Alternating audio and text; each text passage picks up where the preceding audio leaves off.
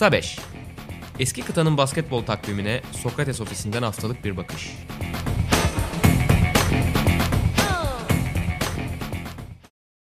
Merhabalar. Sokrates'in Euroleague Podcast'i Kısa 5'in karantina özel kısmına, karantina özel bölümlerine hoş geldiniz. Düzene oturtmuştuk aslında bundan birkaç hafta önce. Hali hazırda belki yıllar geçmiş gibi geliyor ama karantina öncesi, korona fırtınası öncesi ofisimizde güncel Euroleague sohbetlerine devam ediyorduk. Sevgili Utkan Şahin, Ruat Akkuş ve Kaan Demirel'le beraber. Ama karantina bizleri evlere tıktı ve bizler de biraz hazır Euroleague sezonu da tıpkı diğer büyük spor organizasyonları gibi devam etmiyorken bizler de biraz geçmişe doğru döneceğiz. Ligin son 20 yılında neler olup bittiğini konuşacağız. İlk olarak da sevgili Utkan Şahin'le beraber ben Buğra Balaban açılış bölümünde bir draft yapalım dedik. Modern dönemi baz alacağız. 2001 ve sonrasında oynadıkları sezonları dikkate alarak oyuncuların 12'şer kişilik kadromuzu belirleyeceğiz. Sevgili Utkan hoş geldin. Hoş bulduk abi nasılsın? Yani nasıl olsun karantinada kapanmış durumdayız seni sormalı. İzmir'de de işte çok farklı olduğunu düşünmüyorum karantina sürecinin ama. Evet yani sürekli evdeyim ben de. Yapacak bir şey yok bu dönemde evde kalacağız. İzolasyona biraz daha nostaljiye devam gibi. Evet. Sen biraz geç oy- oyunlara da verdin kendini ama. Evet evet ama dün şey geldi. O maçı izledim. Gördün mü o maçı? Hakan Demirel'le Sergio Rodriguez'in karşılıklı. Gördüm gördüm. Daha izlemedim de açıp bakacağım ona da. O ya, efsane maçı. 17 yaşında galiba Sergio Rodriguez orada. Gerçekten özel bir topçu olduğu çok belli ya. Son 20 yılda çok şey değiştirmedi. Özelliği konusunda. Biraz çabuk yoruluyor artık belki ama. evet yani dizleri biraz yap, yıpranmış olabilir haliyle. Formatı biraz az önce özetlemeye çalıştım. Yani draft gibi oyuncu seçeceğiz 2001 sonrası performanslarından ama sırf Euroleague'de oynamış diye atıyorum Amare Staudemayer'ı muhtemelen seçmeyeceğiz. Çünkü kariyerinin en üst seviyedeki bölümlerini NBA'de ya da başka bir yerde geçen oyuncular burada değerlendirilmeyecek tabii ki. En az bir iki sezon ligde Euroleague'de etki yapmış oyuncular üzerinden gideceğimizi de hatırlatalım. Bu niye yok şu niye yok diye gelebilecek soruları bir nebze filtrelemek adına. Keza şey de var bence onu da söyleyeyim. Yani bence şey de yoktur herhalde ben öyle tahmin ettim ama yani Euroleague'de böyle bir rol oyuncusu olup NBA'ye gidince daha büyüyen oyuncular var ya. Tabii. Onlar da yani Euroleague'de oynadığı şekilde kabul edeceğiz oyuncuları. Aynen öyle. Euroleague sezonlarında bıraktıkları etkiler üzerinden oyuncuları değerlendireceğimizi bir kez daha konuşalım. Daha net bir şekilde o kapsamı belirlemek adına. Pekala Utkan ben biraz daha ev sahibi moduna bürünüp ilk sırayı sana emanet edeyim. Sonrasında sarmal olarak devam edeceğiz. Birinci sıra seçimi senin, 2-3 benim, 4-5 senin şeklinde devam edeceğiz. Bir tahminim var birinci sıra seçiminle alakalı ama bakalım. Söz sende. Abi iki gündür çok düşünüyorum. Gerçekten yani yatıyorum kalkıyorum. ilk sıradan kimi seçeyim, ilk sıradan kimi seçeyim. Senin de aklında okumaya çalışıyorum. Denizli'nin meşhur bir lafı vardı ya maçı aklımda oynuyorum diye. Gerçekten düşündüm yani. Çünkü iki tane çok istediğim oyuncu var. Ve bir tanesini senin seçtiğinden çok korkuyorum. O yüzden böyle sürpriz seni biraz şaşırtmak da istedim. Ama ne kadar şaşıracaksın da bilmiyorum. Ben Sabonis'i seçiyorum. Hayda. Enteresan bunu beklemiyordum. Biraz açıklamak ister misin? Yani kendisi 40 yaşındaydı galiba Zalgiris'te oynadığında 2004'te. Hı hı. 40 yaşında Topon 16'nın MVP'si seçilmişti. Hı hı. Ve o yaşta bile şeydi yani özel bir oyuncuydu. Bence gerçekten Sabonis'in diğerlerinden farkı da o. Yani o, dün gece kafamda onu düşündüm hatta. Yani hep şey konuşuruz ya dönemsel oyuncular vardır işte ya da bazen şey deriz. Bu adam keşke 10 yıl sonra oynasaydı ya da 10 yıl önce oynasaydı deriz. Sabonis hiç öyle bir oyuncu değil abi. Yani bugün bile oynasak görüyoruz onun tarzında pivotları neler yaptığını hı hı. hala oyunu etki edebilir. Bence 20 yıl sonra da etki edebilecek bir yetenekti o. Hı. Oyun için Sabonis gibi bir yeteneği, büyük bir ismi kaçırmak istemedim. Umarım ikinci ve üçüncü sıradan senin kesin böyle seçeneklerin vardır da diğer ismi bana bırakırsın. Çok emin değilim bırakacağıma onu söyleyeyim her şeyden önce. Ben... Ama senin listeni değiştirdiğini düşünüyorum. Yani evet evet yani ben biraz şaşırdım biraz sevindim bu arada. Çünkü iki tane çok büyük favorim vardı. Bir iki de paylaşacağımızı düşünüyordum onları ama şu an sen birden onları aldığın için e, şey Sabonis aldığın için 2 ve 3'te ben onları seçebileceğim. Epey mutluyum o yüzden. İlki herhalde şaşırmayacaksındır. Dejan Bodirogo olacak. Oo. İkincisi de Sarunas Yaskevicius olacak. 2 ve 3 seçimlerinde bu ikiliye gideceğim. Ben aslında bu ikisini 1-2'den alırız diye düşünüyordum ama sen Sabonis'in o özel kapanış sezonunu da hatırladın. Yani Sabonis tabii ki 80'ler ve 90'ları aslında her ne kadar diz sakatlığından sonra biraz daha yavaşlamış olsa da çok büyük etki yapan bir oyuncu ama 2000'lerde de Euroleague sezonuyla sirayet etmiş biri. O yüzden ben onu biraz daha geçmişe doğru bıraktığım için kafamda çok düşünmemiştim açıkçası. Sen iyi hatırlattın onu. Ben iki büyük winner'la, iki büyük kazananla draft seansımı açacağım. Biri de Jan Bodiroga. Zaten herhalde üzerine çok fazla konuşmaya gerek yok. Euroleague bu bu aralar içerik krizindeyken resmi hesaptan sürekli ülkelerin en iyi oyuncularını soruyor izleyenlere. Birçoğunda işte tartışmalar vardı. İşte Yunanistan'da Spor'un ismi Diamantidis mi? İşte Galis yazanlar elbette oldu. Birçok farklı ülkede bu tartışmalar vardı ama herhalde Sırbistan'da herkesin aklında Dejan Bodiroga vardı. Bu aralar nostaljiye daldık dedim. Ben de Euroleague finallerini tekrar izlemeye başladım. İşte 2001'den itibaren seriye başladım. Senle de hatta önümüzdeki bölümlerde finaller üzerine de büyük ihtimalle konuşacağız. Ve de, hakikaten Dejan Bodiroga'yı özellikle kırılma anlarında izlemek çok çok özel.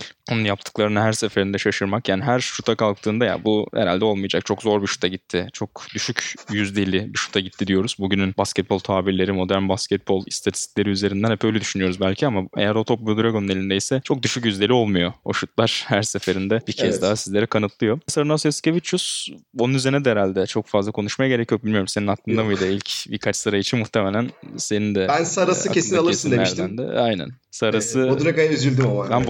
Bodiroga'yı sen alacaksın diye düşünüyordum birden. Saras'la devam edeceğimi tahmin ediyordum ama ikisi de bana kaldı. Epey mutluyum. Yaskevicius için de herhalde çok fazla bir şey söylemeye gerek yok. 2003 e, aslında 90'ları da sirayet eden daha altyapılardayken kendini hissettiren bir oyuncuydu zaten Yaskevicius ve Euroleague'e geldiği 2000'lerin başındaki dönemde zaten damga vurdu. Üst üste 3 şampiyonluk 2003'te Barcelona ile Bodiroga ile beraber uzandığı şampiyonluk ki orada hani özellikle finali çok iyi oynamamıştı ama geçerli bahanesi olduğunu hep anlatıyor. Bir hafta boyunca uyuyamadığını heyecandan söylüyor Sarınas Eskevicius. Ama sonraki iki şampiyonlukta Maccabi'nin 2004 ve 2005 şampiyonluklarında hakikaten çok çok özel bir yere sahip Şaras. Sonrasında döndüğü bölümde NBA dönüşünde yine etkili olduğu ligde ama o dönemki özellikle 2003-2005 arası Yaskevicius'u herhalde bambaşka bir yere koymak lazım. O yüzden çok büyük bir keyifle bu ikiliyi alıyorum 2 ve 3'ten. Ya Dördüncü Saras ve 5. Şey... sırayı sana vereceğim. Buyur söyle.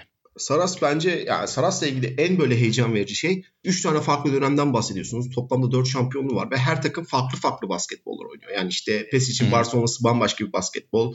Maccabi'yi zaten hep konuşuyoruz. Sonra Panathinaikos'a gitti. Orada 3'ün yanında başka bir basketbol ki yanında 3 2 tane daha büyük kartla oynuyordu orada. Hı hı. Ve hepsinde başarılı olmaya başardı. O adaptasyon yeteneği beni en çok etkileyen özelliği. Yani Biraz... diğer büyük oyunculardan en büyük farkı bence o. O konuda yani. İşte orada da biraz herhalde oyun zekası kelime grubunda öbeğinde özetleyebiliriz herhalde. Evet. Hangi tempoyla hangi rakibe karşı oynuyor olursa olsun oradaki çözümleri bulmak, o çözümü, o yaratıcılığı sağlamak çok özel oyunculara nasip oluyor ve Yaskevicius de şüphesiz onlardan bir tanesiydi. Kesinlikle. Ben 4 ve 5'ten kanatlarımı güçlendirerek çıkmak istiyorum. Güzel. Gene biraz geçmişe döneceğim ben. Dördüncü seçeceğim Ginobili. Onu Ginobili. Biraz ee, üzüldüm. Ee, bırakmak istemiyordum sana. Ümit ediyorum ki o ikinci seçeneğimde onu seçmediğine çok sevindim. Saras kesin gitti diye Ginobili'ye ben çok meraklı şeydim böyle. Gitmesin aman elinde kalsın tarzındaydım. Yani anlatmaya gerek yok herhalde. Gelmiş geçmiş en büyük oyunculardan bir tanesi ki benim çok sevdiğim oyunculardan bir tanesi. Yani sanırım Ginobili'yi sevmeyen bir basketbol sever yoktur. Öyle düşünüyorum. Bir sihirbaz bence. Çok özel bir oyuncu. Ee, çok. Keza sen daha demin 2000 finalinden bahsettin. Chelsea Mika maçı. Sonra 2001'deki maç. İkisi de görüyorsun o ışığı. Daha şey böyle daha NBA'ye gidip kendini kurmamış, daha büyük oyuncu haline gelmemişken. O yüzden ben Ginobili'yi dördüncü sıradan seçtim. Beşinci sırada ise gene bence Amerikalı oyuncular arasındaki en iyisi olan Anthony Parker. Şüphe yok. Ben bu ikisini seçip kanatlarımı güçlendirmeyi arzu ettim ki işte Saras'ın Makabisi'nden bahsettik. Parker o dönem bence işte daha LeBron daha yeni yeni çıkarken Avrupa'nın LeBron'u gibi bir şeydi. Evet bizim küçükken çok meşhur bir lakaptı o dediğin gibi Anthony Parker anlatmak için. 2005 finalinde yalnız Parker'ın ufak bir satış operasyonu da var. Onu da söylemem lazım. İzleyenler hatırlayacaktır ya da tekrar bu aralar izleyenler daha görünce şaşırmıştır belki. Ya özellikle 3. çeyrekte hani üst üste birebirler üst üste aslında çok büyük bir uzmanlık alanı olan o orta mesafeden evet. sürekli el üstü şut deneyip sürekli kaçırdığı ve bir anda maçın neredeyse krize gireceği bir dönem yaşatıyor takımın ama sonrasında Şaras evet. ipleri eline alıyor diyelim ama tabii ki Anthony Parker hem sezonun oraya gelmesi hem üst üste 2 yıl MVP olmasıyla beraber ki ondan bu yana hala Amerikalı bir MVP'si yok. Eurolig'in bu sene Larkin o hasreti dindirecekti belki ama sezon henüz akıbeti belli değil. O yüzden hala evet. o unvan Anthony Parker'a ait. Pekala. Ya bir açıdan da şey Hı. hemen sana söz atacağım. Bir açıdan o da mesela şu an 3 numaralarda Euroleague'de bir sıkıntı var. Hatırlarsın Hı. E, daha önceki podcastlerde bir takım kurmuştuk. Sen, ben, Roat beraber. Evet, güncel 3 oyunculardan. 3 numarada bir problemden bahsetmiştik. Mesela şu an bir Parker olsa ligde gerçekten çok şey değiştirir bence. O açıdan ben Parker'ı almak istedim. Çok çok ayrı bir yeri olurdu. Hele ki şu anki dediğin gibi kanat rotasyonu rotasyonlu ligini düşündüğümüzde Parker'ın yeri ve değeri çok daha katlanıyor elbette. Hı hı. Sıra sende. Sıra bende. 6. ve 7. sıra seçimlerime geleceğim. Ee, burada ben iç dış dengesini de biraz gözeterek tercihlerimi yapacağım. 1-2-3 rotasyonumu tamamlamak adına ben burada bir savunma uzmanına gidiyorum. Neutris Diamantidis'i tercih edeceğim 6. sırada. Çok ayıp ediyorsun. Senin de aklındaydı sanırım. Çok üzüldüm. Hem Ginobili'ler hem Parker'lar Diamantidis'i bırakamazdım. İlk 7'nin dışına küçükken yani en sevdiğim guardlardan bir tanesiydi. Biraz daha ben herhalde hücum tarafı özel olan mesela Navarro tipi oyunculardan ziyade biraz daha Diamantidis gibi ya savunma tarafında ağır basan ya da işte birçok farklı oyuncu az önce Yaskevich üzerinden verdik. Oyun zekası ve o sorun çözme anlamında fark yaratan oyunculara çok daha gıptayla bakardım. Diamantidis de bu anlamda hem hiçbir zaman egosunu konuşturmaması, çok uzun yıllar takımının Panathinaikos'un en büyük lideriyken bile ne olursa olsun işte takıma çok fazla yıldız geldiğinde yer yer rolünden ödün vermesini de bilen bir oyuncuydu. Yılın savunmacısı ödülünü defalarca kazandı ve Panathinaikos hep üst seviyedeyken onun imzası, onun izi vardı. Euroleague'de zaten 2010'ların takımı seçerken onu almış. Özellikle 2010'ların ilk 3-4 yılını tabii hatırlayınca Diamantidis'in yarattığı etkiyi daha net gözlemleyebiliyoruz. Son bir 5-6 yılda tabii emekliye ayrıldığı için Diamantidis biraz insanlar sanki etkisini unutuyor gibi geliyor bana. 2010'ların takımlarına dair atılan tweetlerde biraz beklediğinden az görmüştüm doğrusu Diamantidis'in adını. O yüzden ben aynı hataya düşmeyeceğim. Diamantidis'i buradan seçeceğim. Bir de uzuna gideceğim elbette Hı hı. burada. Orada da tercihim Gregor Fuchka olacak. Oo, Sen güzel seçenek. tüm seçtiklerime üzüleceksin ama biraz zor geçecek senin için. Draft süreci. Onu söylemem lazım. Evet haklısın da yani ne bileyim hepsi benim çocuğum gibi şu an. Yani gidince üzülüyorum. Gregor Fuchka yani ben küçükken hani onun tabii 90'larda yaptığı şeylere çok fazla yetişemediğim için hep dinliyordum. İşte abimden ya da büyüklerden çok fazla anlatılırdı Avrupa basketbolu takipçileri tarafından. Ama Fuçka'nın işte bir kez daha geriye dönüp o eski maçlarını izlediğimde yani bugün hani yavaş yavaş normalleşmeye başlayan mobil hem uzun hem mobil hem de şutuna çok güvenen, şutunu birinci silah olarak kullanan oyuncular yavaş yavaş normalleşmeye başlıyor. İşte son dönemde Porzingis'e buna örnek verebiliriz. NBA'de yarattığı etkiyle Dirk Nowitzki zaten aslında o kapıları tamamen kıran oyuncu oldu. Gregor Fuchka da aslında Avrupa'da sanki sadece rebound odaklı ya da savunma sertlik odaklı 4 numaraları bir kenara bırakıp bambaşka bir 4 numara potansiyelinin ileride olabileceğini gösteren ilk oyunculardan biriydi bence. Ee, Kesinlikle yani haklısın. 2.15'lik boyu özel bir rebound hakimiyeti topu yere vurabiliyor. Şutu var ki şutu sadece boş kaldığında ceza şutundan bahsetmiyorum. El üstünden de attığı toplar var. Savunmada bir zaaf oluşturmuyor. Böyle bir komple paket hakikaten çok çok özel bir ismi bize müjdeliyor. O yüzden de Gregor Fuchka'yı Diamantidis'le beraber 6 ve 7. sıradan ben takıma katıyorum. Epey memnunum ya ben gidişattan. Valla Diamantidis'in yerine Navarro'yu seçseydin tam işte 2003 Barcelona'sını kurmuş oluyordun. Doğru. Biraz daha toydu tabii Navarro o zaman ama. Pesic hocamla bir konuşma yaptın galiba yani. Öyle biraz geldi. Ufak tüyolar aldım ondan. ya 2003 Barçered'in o takım da hakikaten enteresan bir takım ya. Dönüp bakınca. Tabii. Çok geniş, çok yani derinlik anlamında yetenek toplama anlamında çok özel bir takım. Tabii hani işte sen de bahsettin. Navarro, Yasikevicius biraz daha belki kariyerlerinin ilk yarılarında diyelim. Yasikevicius evet çok özel bir oyuncuydu o dönemde ama biraz hani o Final Four telaşı, Final Four heyecanını hala yaşayan bir oyuncuydu belki. Ama hepsini tüm yetenekleri üst üste düşününce özel bir takım. Yani şüphe yok. Fuçka'da bu arada son bir şey söyleyeceğim. 2003'te zaten Benetton'la final oynarken Barcelona Benetton'un ana planlarından biri de Fuçka'yı faul problemine sokmak vardı. Yani Garbaoza sürekli koluyla onu çekiştirip üzerine doğru fauller aldırmaya çalışıyor ki bunu da başarıyor yani maça. Çok iyi başlayan Fuçka'yı biraz faul problemiyle kenara itiyor Benetton Treviso ama yeterli olmuyor diyeyim. Sana sözü atayım biraz uzattım. Sen benim sevdiğim oyuncuları aldın. Tamam, Güzel. Sen de sana aynı şekilde cevap ver bana. Trajan Langton'u alıyorum. Aa, Çünkü Çok ayrı yani bir yere. istiyorum. Şütör istiyorum ve seni sevdiğini biliyorum. Normalde biraz daha geriye bırakacaktım. bu bu bir mind, mind game oldu biraz. Evet biraz belki ileride takas yapmaya kalkarız. O yüzden şütör eyvah eyvah sen bayağı detaylı planlara sahipsin. O yüzden Langton'u seçtim ben. Yani anlatmaya gerek yok herhalde. Bilmiyorum. Hı hı. Çok özel bir oyuncuydu. Efes'te izledik kendisini sonra. işte o Efes'ten bir ara şey vardı. Benetton Efes CSK üçgeni vardı. Çok özel oyuncular gitti oradan arka arkaya. Doğru. Keza bilmiyorum seni seçecek misin ama Marcus Brown ben orada çok benim için yeri farklıdır. O üçgende öyle bir şeyden geldi ve inanılmaz bir soğukkanlılık. Galiba 2006 ya da 2007 finalinin MVP'siydi. Final Four'un MVP'siydi. 2008'de Trajan Langton. 2008 mi? Sonrasında bence işte o 2010'daki o büyük şey olması biraz daha devam edebilirdi ama şu an zaten ne kadar özel bir oyuncu olduğunu şeyden falan görüyoruz. Yani oyun aklının konuşturmasından yönetici oldu sonra NBA'de bildiğin Hı hı. gibi. Çok iyi bir şütör, soğukkanlı bir şütör.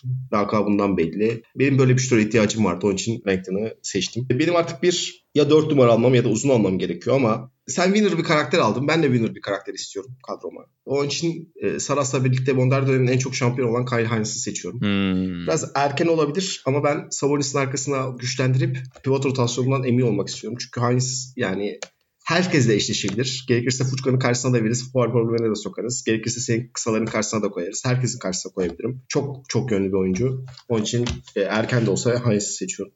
Kyle Hines için erken yoktur ya bana kalırsa. Özellikle son 10 yılda dikkate aldığımda benim en çok beğendiğim oyunculardan bir tanesi. Sıkça da zaten e, yazıp çiziyorum Hines hakkında. O yüzden hiç şeyim yok. Çekincem yok. Gayet iyi bir seçim. Tabii 5 numarayı sen bayağı kapattın. Sabonis'te, Hines'de. Kafan Evet. rahat olacak orada. Bir kişi daha var. Bakalım. Sen Eyvah. büyük maç sana, sana kalır ama hadi bakalım. Sen bayağı yedekli falan planlar yaptın galiba ama. Tabii tabii. tabii, tabii. O zaman bir kez daha sıra bende. O 10 ve Hı hı. 11. sıraya doğru geldik. Şöyle bir bakıyorum. Yani ilk 5'te bir 4 ya da 5 numara ihtiyacım olacak. Fuçka'yı 4'te kullanırsam 5'e alabilirim ya da 2 tane mobile gidebilirim. O yüzden şöyle bir bakıyorum. Benim tercihlerim arasında Nikola Vujic öne çıkıyor. 10 Oo, numarada Nikola güzel. Vujic'i alacağım. E Yine biraz Maccabi takımlarına doğru döndüm. Maccabi ile beraber üst üste 3 yıl o da final oynamıştı Nikola Vujic 2 şampiyonluk. Ve her birinde de o dönemki kalıbına uzun kalıplı pivotların yanında aslında onun hani biraz Maço Baston tabii o savaş kısmını 5 numarada kendi üzerine çektiği için Maccabi'de Vujicic biraz daha 4 numarada o ince işleri yapıp alacak postta üretimi sağlayabilen bir oyuncu. Tabii oyun zekası anlamında sadece sayı ve rebound da değil. Özellikle asistleriyle de çok modern bir uzun profil çiziyordu. Sen Sabonis'ten o asist yapan uzun katkısını alırsın. Ben de onu biraz daha Vujicic'e yıkayayım. İşler sıkıştığında alacak posta topu indireyim. Vujicic üzerinden de gelen ikili sıkıştırmalardan takımın geri kalanını işlerim. İlk triple double da Euroleague'in yanılmıyorsam ona ait. Hafızam Evet, beni evet. yanıltmıyorsam. Çok özel bir oyuncu. Der ne kadar bugünlerde biraz yönetici imajıyla beraber e, biraz tahtı sallanıyor olsa da Vujicic'in mirasının oyunculuk kısmını ben ayrı tutayım ve Vujicic'i alayım. Onu da Fuçka ile beraber 4-5 oynatayım. Biraz daha modern bir takım oldu. İkisi de Umarım genelde gibi 4 oynar oynuyorlardı ama aman. Ben biraz ama Maccabi Umarım- günlerine Umarım Efes'teki gibi oynar o zaman hoşuma gider benim. sorun olmaz diyorsun. Biraz daha Maccabi'deki imajını hatırlayıp Vujicic'i oradan çekiyorum. 6. adam olarak da herhalde lig tarihinin en iyi 6. adamını seçeceğim ya. Öyle görünüyor. İddialı. Theo Papadukas'ı tercih Oo. edeceğim. Yine Yaskevicius'ta sorun çözmek demiştik. Ceska'nın Final Four'larını şöyle bir izleyince 2000'lerin ortasında sorun çözme işi tamamen Papadukas'a ait gibi görünüyor. Yani J.R. Holden, Marcus Brown çok özel oyuncular ama onların tıkanmaya başladığı, onların çözüm bulamadığı noktalarda Papadukas'ın her birinden daha yavaş, her birinden daha az atletik, her birinden daha kötü şutör olmasına rağmen işte zekanın o ölçülemeyen kısımlarının basketbolda ne kadar büyük fark yarattığını bir kez daha gösteriyor. O ne zaman oyuna girse Ceska'da hücum çok daha akışkan hale geliyor. Bunu izlemek çok büyük keyif. Geçen hatta sosyal medyada bir videosunu da paylaşmıştım. Neşeli hallerini Teo Papalukas'ın. Hazır hala piyasadayken, marketteyken ben Papalukas'ı alayım. Yaskevicius, Diamantidis, Bodiroga onlar arada dinlenirken hemen ipleri Papalukas'a teslim edeyim. Yani Yunanistan basketbolunun en önemli 3 isimden iki tanesini aldım bence. Yani şeyi dışarıda bırakırsak. Patronlarım duymasın. Umarım dinlemezler podcast. Güzel seçenekler seçtin sen ama benim artık biraz kısalara yönelmem lazım. Diamantidis de bana büyük bir darbe indirdin. Hazır Popolukas'ı o kadar övdükten sonra ben onun accuracy'sini almak istiyorum. J.R. Holden'ı seçeceğim. Hmm. Bence Euroleague tarihinin en e, underrated oyuncularından bir tanesi. Yani kritik anlarda güvenebilirsiniz. Maçın sıkıntıya girdiğinde sizin için çözebilir. Her şeyi yapabilir. Özel bir oyuncuydu. Rusya'daki o meşhur bence basketi de basketbol hatta spor tarihinin en böyle ilginç anlarından bir tanesiydi. Bir Amerikalı'nın Rus basketbol takımını taşıması ve işte şampiyonluğu getirmesi. 80'lerde 90'larda anlatılsa büyük ihtimal kimse inanmayacağı bir şeydi. O açıdan Holden bence çok güzel bir hikayeye sahip. Ben Holden'ı seçiyorum. Hala belgeseli Ee, yok mu acaba ya? Şimdi sen Valla- deyince tam Amerikalıların belgesel çekeceği bir olay aslında. Bu sıkıntıdayken bence hemen ESPN bu işi halletsin.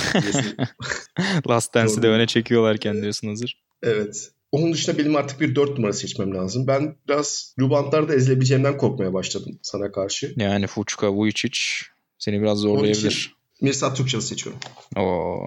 Ya Mirsat oynatılması zor bir karakter biliyorsun. Yani işte istatistiklere ne kadar önem verdiğini, takım arkadaşı olmanın ne kadar zor olduğunu geçmişten biliyorsun. Ama aynı zamanda işte senin takımını sürekli ayakta tutabilecek karakterlerden bir tanesi. Euroleague'de tarihin en iyi reboundçılarından bir tanesi. Biraz şu dönemin 4 numaralarına göre biraz dış atışlar problemli olabilir ama ben Mirsat'ın adapte olabileceğini düşünüyorum. Bu açıdan Mirsat'ı seçtim. Gayet güzel içeride bir sertlik katıp takım antrenmanda yukarı çekmek anlamında sana artı bir değer katabilir dediğin gibi. Belki dakikalarını sınırlarsın diğerlerinin yanında ama hazır sen çok 4 numara da seçmemişken oradan reward katkısı verebilir. Sabonis Wines'ın yanında. 14 ve 15. sıraya geldik. Şimdi bir yandan da bakıyorum bir kısa liste çıkarmıştım. NBA fantasy draftlarından alışık olduğum o listeler. Şu anda Excel sayfamı bir kez daha açtım. kimler kaldı kimler yok diye bakıyorum. Burada bir pot altı sertliğine bir şöyle cebime koyayım. Oradan bir Mike Battisti seçeyim ben. Oo. Orada hani Fuçka ve Vujicic biraz böyle silmeye başlarlarsa eğer pot altındaki sertlikte Heinz'la beraber sen oradan bir ağırlık kurabilirsin. Onun karşısına bir hamle oyuncusu olarak Battisti seçeyim. Onu oraya koyayım. Diamantidis'ten bahsettik. Avrupa Basketbol Obradovic'li yıllarda damga vuran Panathinaikos'un herhalde en özel ikinci figürüydü diyebiliriz. Daha iyi oyuncular geldi. Panathinaikos elbette çok daha yetenekli basketbolcular, çok daha saha içi etkisi büyük oyuncular da geldi ama Mike Batiste hem saha içinde yaptıklarıyla hem karakteriyle çok çok iyi bir takım arkadaşı olduğundan hep bahsedilir. Aslında hani Kyle Hines Takım biraz arkadaşı daha... olarak iyi de rakipler için pek iyi bir arkadaş değil. Yani Aynen kendisi. öyle ki zaten uzunluğun öyle olmasını tercih edersin diye düşünüyorum. Şahsen ben öyle tercih ederim. Çok Evet. rakiplerle dost olmasa da olur. Biraz da işin sertlik tarafına katkı vermesi yeterli. O yüzden de Batist'i alacağım. Orada özel bir figür daha eklemiş olayım. Biraz daha güçlü bir karakter, kazanan bir karakter. Ben onları hep Heinz'la aslında kafamda birbirlerine yakın tutarım. Yani hani hem saha içinde sayıları çok fazla önemsemeden işini yapan hem de biraz daha soyunma odasında da çok sevilen figürler olması anlamında. O yüzden de Batist'i seçtim. Geçenlerde ben aklım yani sen Hines demişken geçenlerde bir anket yapmıştım işte Mike Battis'i mi seçersiniz Hines'i mi seçersiniz diye çok yakındı. Yani %49'a %51 tarzı bir oylama çıkmıştı. Güzel yani denk bir şey çıkmasına sevindim. İki oyuncunun da hakkı yenmemiş. basketbolunda insanlar böyle düşünüyor yani senin gibi düşünüyor. Güzel. Gayet iyi. Hoşuma gitti. Batist'i de bence ekledikten sonra ben biraz yakın döneme de gelelim. Hep eskilerde Hı hı. kalmayalım diyerek Shane Larkin'i tercih edeyim. Aa, Onu da ben skor olarak yani gerçi şimdi Yasikevicius'u, Bodiroga'sı, Papalukas'ı varken topta kalmaz Larkin'e ama neyse o kadar saha için odaklanmayalım. Draft yapıyoruz burada. O yüzden de son bir yılda bize izlettiklerinin hakkını verelim Shane Larkin'in. Geçen yılın ilk birkaç ayını biraz dinlenerek geçirmişti diyelim. Adaptasyonla geçirmişti ama sonrasındaki o 10-11-12 ayda izlettikleri kırdığı rekorlar Final Four'da yaptığı etki, büyük maçlarda yaptığı etki çok daha fazlasını vaat ediyordu ama lig devam edemiyor. Bakalım e, önümüzdeki günlerde NBA'ye dönecek mi yoksa Avrupa'da kalmaya, Efes'te kalmaya devam edecek mi hep birlikte göreceğiz ama bu bile bence bu 12 ay bile Larkin adına yarattığı etkiyi azımsanmayacak noktaya çekiyor. O yüzden e, Larkin'i de çekiyorum ben. 16 ve 17 Sen sıra Larkin- sende. Larkin'den bahsedince yani bir şey fark ettim. Sponis gitmedi. Yani muhtemelen 2010'ların işte ilk bölümde Sponis böyle bir şey içerisinde olsaydı ilk iki sıradan giderdi. Galiba o biraz sakatlıkları ve çok iyi bir takım arkadaşı olmaması bizi etkiledi diye düşünüyorum. Normalde de çok hoşlandığım birisi değildir benim. Yani Diamantidis'i ben hep Diamantidis'çi oldum o tartışmada. Ama madem buraya kadar geldi Sponis'i seçeyim de en azından şanımız yürüsün. Patronlar kızmasın diyorsun. Evet, daha fazla daha fazla karşıma almayayım. Sponis'ta seçtik. Kart ikimiz öyle oluşturduk. 2 numarayı seçtik. Ben 4 numara seçeyim. 4 numarada iki kişi arasında çok kaldım. Ya Luis Scola'ya gidecektim ya da Andres Nocione'ye gidecektim. Nocione birazcık daha işte sert ve daha modern bir 4 numara. Ama Scola bence Euroleague tarihinin en şanssız karakterlerden bir tanesi. O işte Baskona'nın o zamanki ismiyle işte Tassormika'nın şampiyon olamaması. O kadar üst üste Final Four oynayıp bir türlü sonunu getirememeleri gerçekten çok talihsizlik ama gerçekten karşısında çok büyük takımlar vardı hep. Kesin. Belki bu kadroyla ben bir şampiyonluk kazandırıp onu Euroleague tarihine geçirebilirim. O yüzden Scola'yı tercih ediyorum. Biraz iade itibar peşindesin kadroyu Evet, kurarken. evet.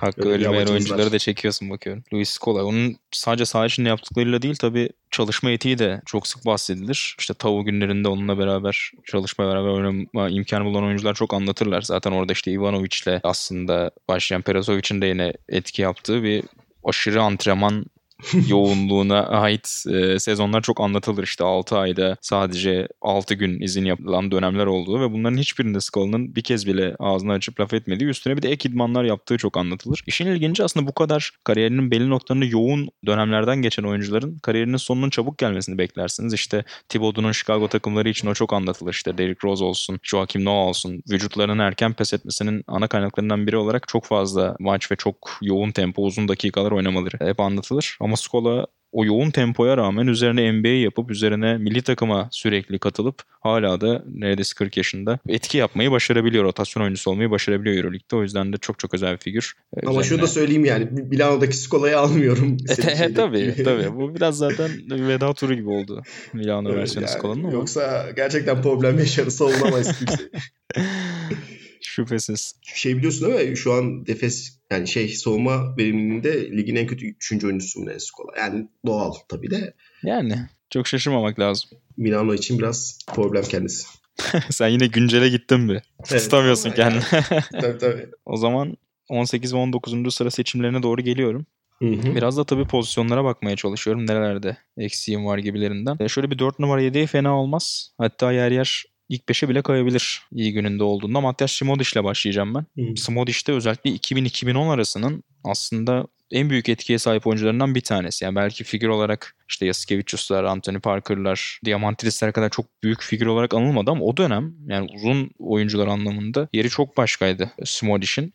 Pot altı sertliği kısmında biraz belki her ne kadar çok hırçın bir oyuncu olsa da rebound konusunda o daha uzun güçlü oyunculara karşı zorlandığı anlar oluyordu ama hiçbir zaman hırsından ödün vermeyen bir oyuncuydu Smodic. Özellikle ilk oynadığı Final Four'ları izlediğinizde her basketinden sonra daha ilk çeyrek olsa bile her basketinden her aldırdığı faulden sonra çığlıklar atarak kutladığını görebiliyorsunuz. İşte 2000-2003 arası Bologna ile üst üste oynadığı iki, e, Virtus'la üst üste oynadığı iki final var. Sonrasında Fortitudo ile yine Skipper Bologna ile o dönemki adıyla final oynamayı başarıyor. Sonrasında Ceska'da zaten 6 yıl boyunca hep gediklisi oluyor Final Four'ların. 3 kez şampiyon toplam 7 kez de final oynayarak yani 2000-2010 arasının herhalde eğer finali sezonun son gününe götürmeyi kıstas alıyorsak en özel oyuncularından bir tanesiydi. En büyük baş, en başarılı oyuncularından bir tanesiydi Smolish. Biraz alan açmaya da yardımcı olur aynı zamanda deyip ben Smolish'i alıyorum buradan. Bir de 2-3 oynatabileceğim bir oyuncu arıyorum bir yandan da. Orada da Ramonas Şişkauskas'a döneceğim. Her ne kadar kariyerinin sonu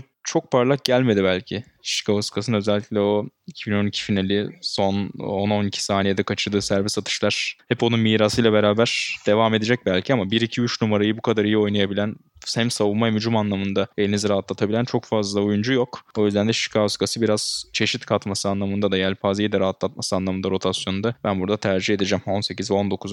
sıra seçimlerim böyle olacak. Ya Şikauskas'ın o Euroleague Final Four'undaki o işte meşhur an galiba Avrupa basketbolu neden bu kadar güzel olduğunu çok iyi ya da basketbolun ne kadar güzel bir oyun olduğunun açıklaması olabilir. Yani olmayacak bir şey oluyor ve bir anda her şey değişiyor. Gerçekten çok şey bir an, dramatik bir an. Ama dediğin her şeye katılıyorum. Özellikle bence Panathinaikos'taki o şampiyonluğunda şampiyonluğundaki şeydeki MVP ödülü Diamantis'e gitmişti yanlış hatırlamıyorsam.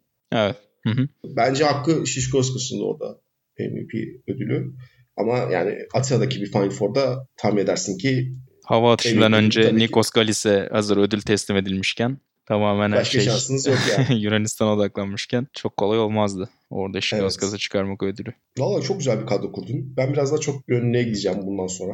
Bir 3 numara hediye daha istiyorum ben. Yeri geldiğinde 4 numaraya da kaydırabileceğim. O yüzden Pete Michael'la Andre Krulenko arasında kaldım. Hmm. İkisi de bence çok güzel oyuncu.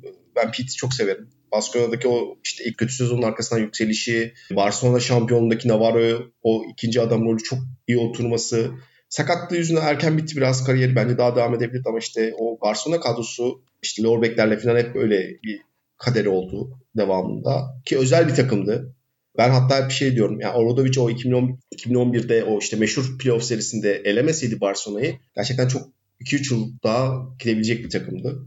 Ama Kirilenko'yu da işte daha çok gönüllü kazanabilirim. Soğumayı güçlendirebilirim. Çok kararsız kaldım ama Kirilenko'yu seçiyorum. Çok zorlandın. Yani kafanda evet. birkaç kez oynadın gibi görünüyor bu seçimi. Biraz açıkta. Baya, baya, biraz baya, daha baya. işin çünkü... savunma tarafına odaklandın gibi. Beni durdurmanın zor evet. olacağını fark ettin sen de. Biraz skorer topladın sen. O beni biraz korkuttu. bir de şöyle bir şey var. Kirilenko ile ilgili sıkıntım şu aslında. İşte hep CSK ikinci geldiği şimdi hep kötü bir etki yaptı ya.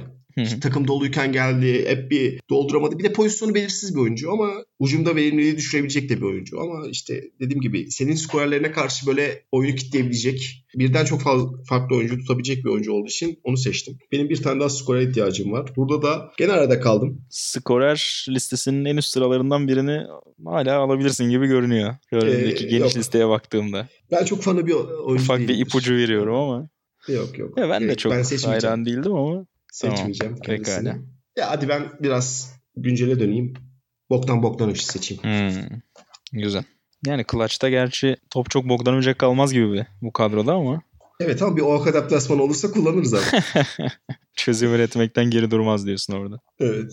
Ya bir de işte Boktan yani gerçekten Türkiye'de biraz büyüdüğü için ve bence işte ben şeyi hiç unutamıyorum. Bence çok özel bir anda o. Türkiye'deki Avrupa Şampiyonası'ndaki ülkeler arasında e, Sırbistan-Türkiye maçı oynarken işte Bogdanovic'in sesinin işte tezahüratlar yapılması, şeye çağrılması, tribünlere çağrılması onun ne kadar burada etki yaptığını gösteren bir hareket. Kolay bir şey değil çünkü sonuçta milli bir maçtan bahsediyoruz ve işte Türkiye'deki insanların ne kadar milliyetçi duyguların kabarık olduğunu biliyoruz. O açıdan o an bence çok dramatikti ve Fenerbahçe tarihinde nasıl bir önemi olduğunu gösterdi.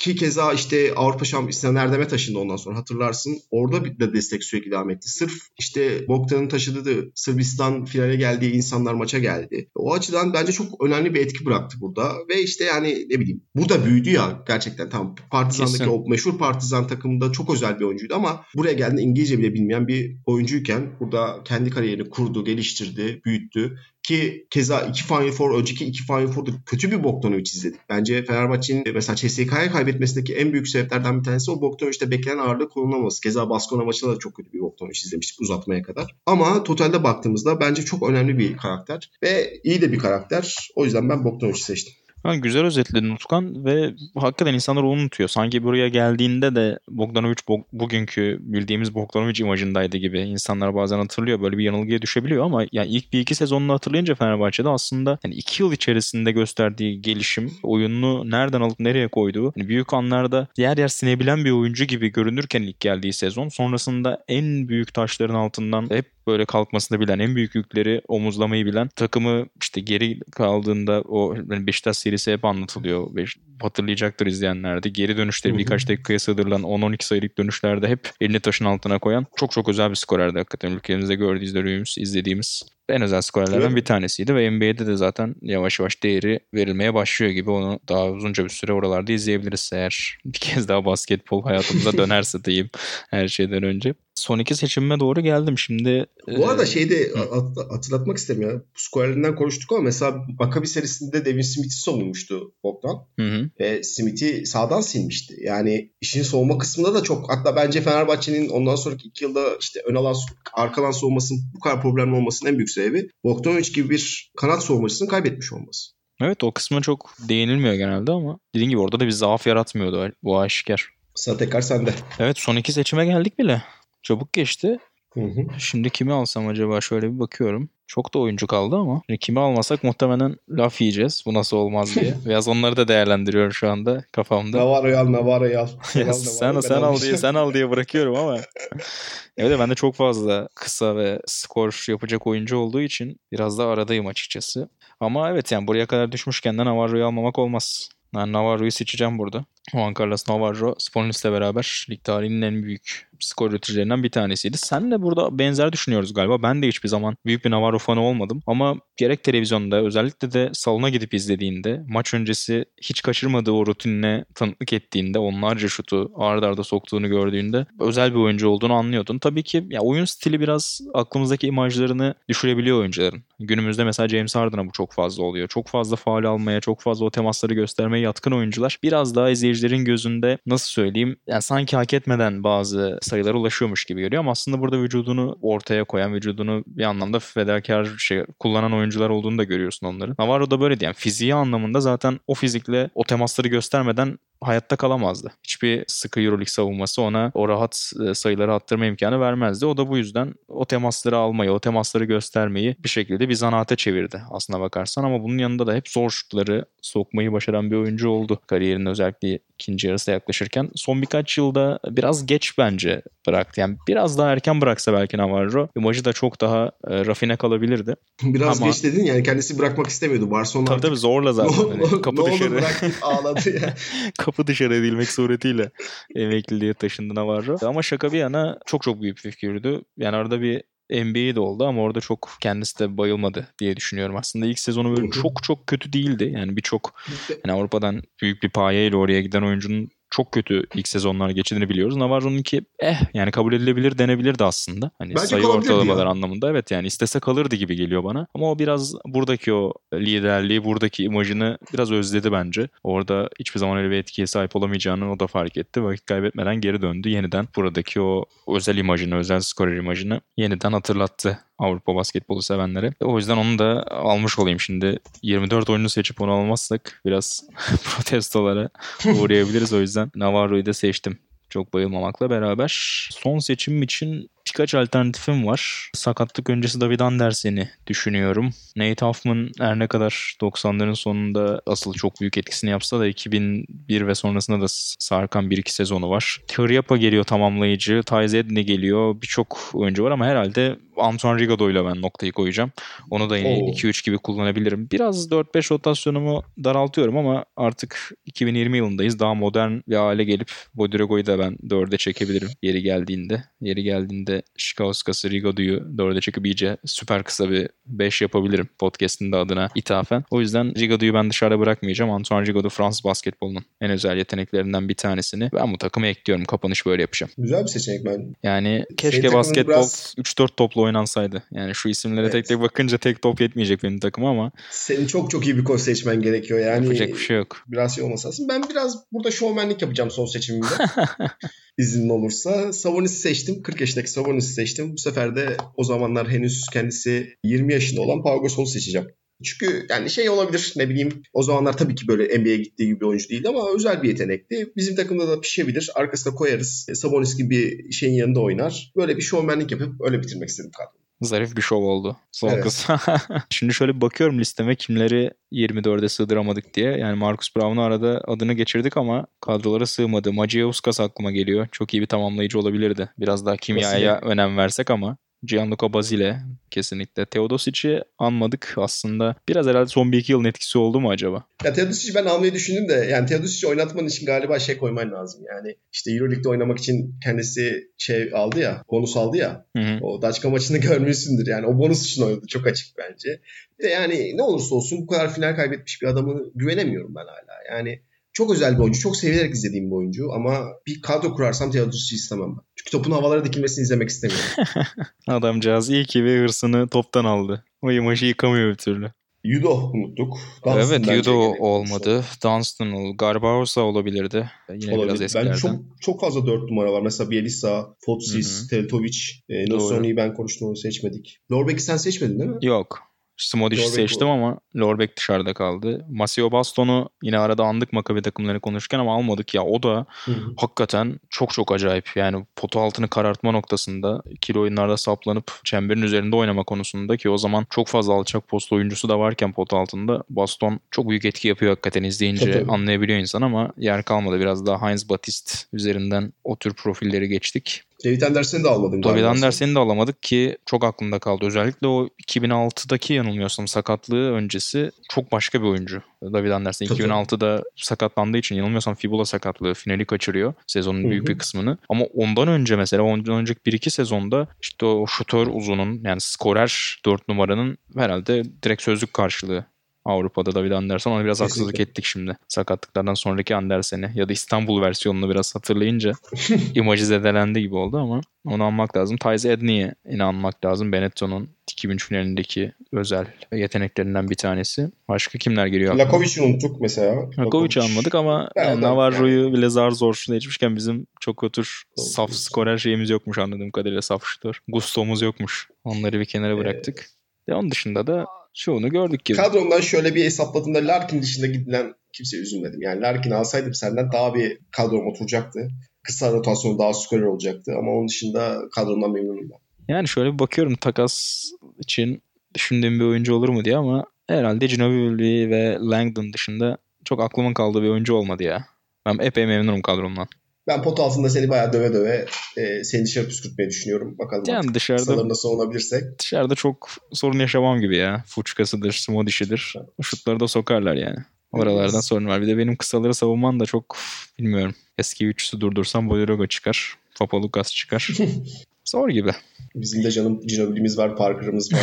işte Holden'ımız var. Yani Çıkar, çıkar 30-35 atar diyorsun. Tabii canım. Ee, birer koç seçelim bari. Ha, koç da seçelim. Hızlıca koçları da konuşup yavaş yavaş kapatalım. Sendeyiz. Sen seç bu sefer ya. Yani Şelko Obradoviç dışında bir ilk seçim olmaz herhalde. Eğer bana bırakıyorsan. Bodruga'yı seçmişken. Obradoviç seçeceğim. seçmişken. yani Başka kim, şansın yok kimi, yani. kimi seçersen ya hazır Spolinis de kadroda değil. Diamantidis'i böyleyken. aldın. Yani Aynen öyle daha ne olur. Bat, Batiste aldım. Sorun yok. Eskevicius bende. Tam Obradoviç'in uygun ya. Messi'neyi alırsam finali kesin kaybederiz. Tarihi yazdım. Ceska formalıyla çıkarsan şansın olabilir. Ya da Virtus. Nick Nurse'u mu seçsem acaba? Ayda. İyi ki Euroleague'de etki dedik ya. Tersten etki. Nurse'u seçeceğim. Çünkü 2000 Super Lig'de ya da bir önceki sene yendi. Orada 3 Final Four'da ki yani kolay değil yenmek. Hı hı. O açıdan daha kaybettiği şey yok. Savaş yok. Biraz daha özgürlük vermeyi de e, Parker hazır aldık. seven bir Ee, koç. Ginobili öyle. Bizim bu takıma zaten şey yapmamıza gerek yok. Orada 3 gibi baskılayıcı bir takım olmamıza gerek yok. Az setle biraz daha özgür bırakıp diyorsun. Evet. Gerçi çok koşan bir takım olamayız ama olsun. Sabonis aldığımız için. Onu biraz daha yüksek tempolu düşürmek gerekecek gibi. Evet. Yani takımdan beklenti olacak. Pekala Utkan ağzına sağlık. Keyifli oldu. Önümüzdeki haftalarda da biraz daha yüzümüzü geriye çevirip hali hazırda Euroleague devam etmiyorken diğer ligler gibi biraz daha ligin geçmişine doğru döneceğiz. Oralardan çeşitli konularımız olacak. İşte finaller olsun, lig tarihinin en iyi Amerikalıları olsun. Farklı başlıklarımız olacak. Sizlerin de eğer önerileri varsa 2001 sonrası döneme ait farklı önerileriniz varsa bizlere iletebilirsiniz. Gerek Utkan'a gerek bana gerek Sokrates Podcast hesabına önerilerinizi sunabilirsiniz. Onları da önümüzdeki haftalarda konuşmayı isteriz, dileriz. Utkan'cığım Bence kim, kimin takım kazanacağını da söylesinler ya. Ben yani o kadar olur olur. olur. bu Bir, bir, o, bir, bittikten bir sonra- oylama açarız gibi Evet, podcast karantina hesabı üzerinden. Karantina bittikten sonra kaybeden kazanana bir işte ne bileyim yemek ısmarlar. Güzel. Anlaştık. Ben epey eminim şu an. yani şu an çok bir şüphem yok. Bakalım dinleyenler ne diyecek? Onların tercihleri doğrultusunda seve seve boynumuz kıldan ince. Sana bir yemek ısmarlama konusunda geri adım atmayacağım. Aynen. Pekala Utkan ağzına sağlık. İzole kalmaya devam et. Önümüzdeki haftalarda sen İzmir'de ben İstanbul'da podcast'i kaydetmeye devam edeceğiz. Yeniden buluşmak üzere. Hoşçakalın. Hoşçakalın.